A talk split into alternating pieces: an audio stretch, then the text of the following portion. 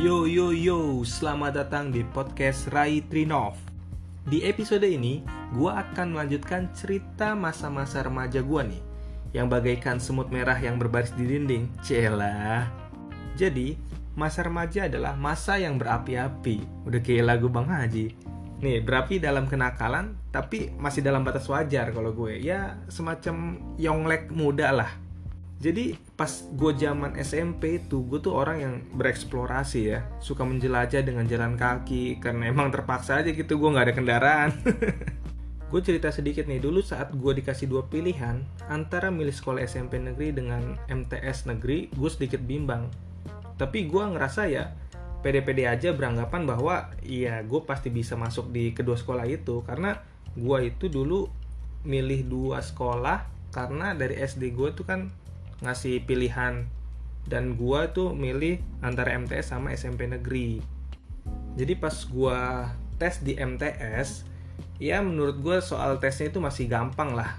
Tapi di akhir penghujung tesnya itu ada namanya tes baca Al-Quran. Nah giliran gue dipanggil kan tuh ditanya sama bapaknya kamu udah jus berapa? Dengan PDE gue bilang jus 4 dibuka kan sama dia sama bapak-bapak berjenggot dan berpeci. Dibuka jus 4 tuh Al Imron dia nanya ke gue mastiin lagi tuh bener kan jus 4 iya gue jawab iya bener tapi perasaan bacanya nggak gini deh. Dengan respon yang amat cepatnya itu si bapaknya tuh nunjukin ikro 4 kan? Pas dikasih lihat nah ini bener pak. Tadi mah bapak salah. Gue jawab gitu. Terus dia bilang bilang dari awal kalau misalkan ikro 4 bukan jus 4 gue jawab lagi dong kan sama-sama tulisan Arab pak saya juga ingetnya juga ya yang penting empat gitu kan. Udah dari situ tuh selesai tuh kan tesnya. Yaudah gue pulang tuh. Gue pulang di depan gerbang itu banyak uh, abang-abang jajanan gitu kan. Dulu tuh gue senang tuh yang namanya jajan-jajanan di itu kan di sekolah-sekolah gitu. Nah duit gue itu cuma bawa 5000 waktu itu. Jadi gue udah nyisihin sebenarnya 2000 buat naik angkot. Tapi gara-gara ada abang-abang jajanan gue suka ya gitu dah suka berpaling gue tuh. Gue belilah tuh tahu gejrot. Nah gue lupa pas gue beli itu gue beli empat ribu sisanya seribunya tuh buat beli air minum. Gue ngeh itu pas abangnya lagi ngulek cabai sama bawang merah bawang putih kan. Udah gitu ya mau gimana ya gue pengen bilang bang nggak jadi tapi kagak enak abangnya udah ngulak-ngulak sampai keringetan ya udahlah udah terlanjur kata gue ya udah gue makan kan tuh di sepanjang perjalanan gue pulang ya kan. Gue bareng temen gue jalan kaki. Tapi gue mikir-mikir ya wah berarti gue pulang jalan dong kalau kayak gini. Duit gue habis semua lima ribu lima ribunya. Temen gue ngajakin bareng rumahnya di belakang sekolahan MTS nya Oke gue sepanjang jalan gue meratapi nasib ya manan panas banget lagi udah keling tambah keling makin glow in the dark aja leher gue itu dulu. Ada ngeliat orang naik angkot rasanya pengen naik tapi ya gimana? Gak punya duit gue yang ada nanti gue disuruh jadi keneknya narikin penumpang di terminal. Ya udah tuh sepanjang perjalanan gue ngeluh kan sambil meratapi nasib sampailah ke rumah. Nyampe rumah rumah gue dikunci kagak ada orang nasib nasib dah perkara tahu gejrot doang emang. Manan pas beli kagak dikasih bonus sulap lagi apa bener gue ya udah terpaksa gue tidur di teras rumah.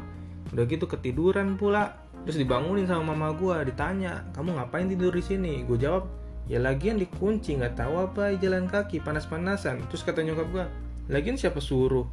Gue jawab lagi tukang tahu gejrot yang nyuruh. Lah kok bisa kamu disuruh tukang tahu gejrot Iya, Ai beli tahu gejrot, ini abis kagak ada buat tek angkot. Mama gue bilang, ya harusnya minta anterin abang ya lah. Buseng ya kali gue jadi kenek angkot kagak, jadi pelayan tahu iya. Terus gue nemplok gitu di punggung abang ya. Dulu juga pas gue zaman zaman SMP gue suka mainnya itu sama cewek dan dulu tuh gue kayak belum punya rasa suka lawan jenis gitu. Tapi nggak suka sesama jenis juga dong ya kali kok suka sama jenis yang ada. Malu dong. Tapi kalau enak juga nggak apa-apa sih. Jadi tuh dulu gue kalau main sama geng-geng cewek gitu main ke rumahnya ya kan. Pas gue lagi nyoba buat main futsal sama temen-temen gue yang cowok tuh kata mereka ya udah lu Rai main aja sama cewek. Terus gue di situ kan kayak sakit hati gue purik kan ya udah gue lanjutin aja main sama cewek. Jadi pas pernah gue inget tuh suatu hari lagi main tuh kan gue di rumah teman gue yang cewek. Nah di situ uh, gue tuh kayak ngerasa ih gue kok gini banget ya? Tapi nggak apa-apa enak. Jadi kayak di antara temen-temen gue yang cowok tuh nggak punya kesempatan yang kayak gue dan gue tuh punya kesempatan yang kayak gitu. Jadi gue mau memanfaatkan kesempatan itu oh iya tapi gue nggak sendiri sebenarnya. Ada panter gue juga cowok. Jadi gue nggak nggak sendirian di antara cewek-cewek itu. Ada dua temen gue cowok jadi sama gue jadi bertiga. Jadi normal lah ya. Tapi sebenarnya dalam hati tuh kayak bikin gengges gitu sebenarnya. Jadi kayak ah kurang leluasa gitu. Ceritanya kan temen gue yang cowok itu dia pergi keluar tuh beli makanan. Di situ gue sisa cowok sendiri nah temen gue yang cewek ini minta temenin ke kamar mandi. Gue kira ya udahlah ya mungkin karena takut atau serem di kamar mandi ya gimana lah. Ya udah gue temenin tuh. Nah dia itu mau ganti baju tapi dia minta ditemenin sama gue di dalam. Terus gue mikir dong ya ampun seriusan gue masa disuruh ke dalam juga? Padahal kan bisa dong di luarnya. Tapi ya ya gue nggak nolak waktu itu. Gue nggak nolak sama sekali dan ya gue heran aja gitu saat nemenin dia di dalam ya yang biasa aja. Gue nggak ada rasa yang menggebu-gebu antara gue dengan lawan jenis gue tapi ya kayak ngerasanya kayak kayak sama jenis gue gitu. Jadi mungkin karena dia juga mikirnya ah si Rai ini mungkin pikirannya masih masih dia rada-rada miring atau gimana gitu kan.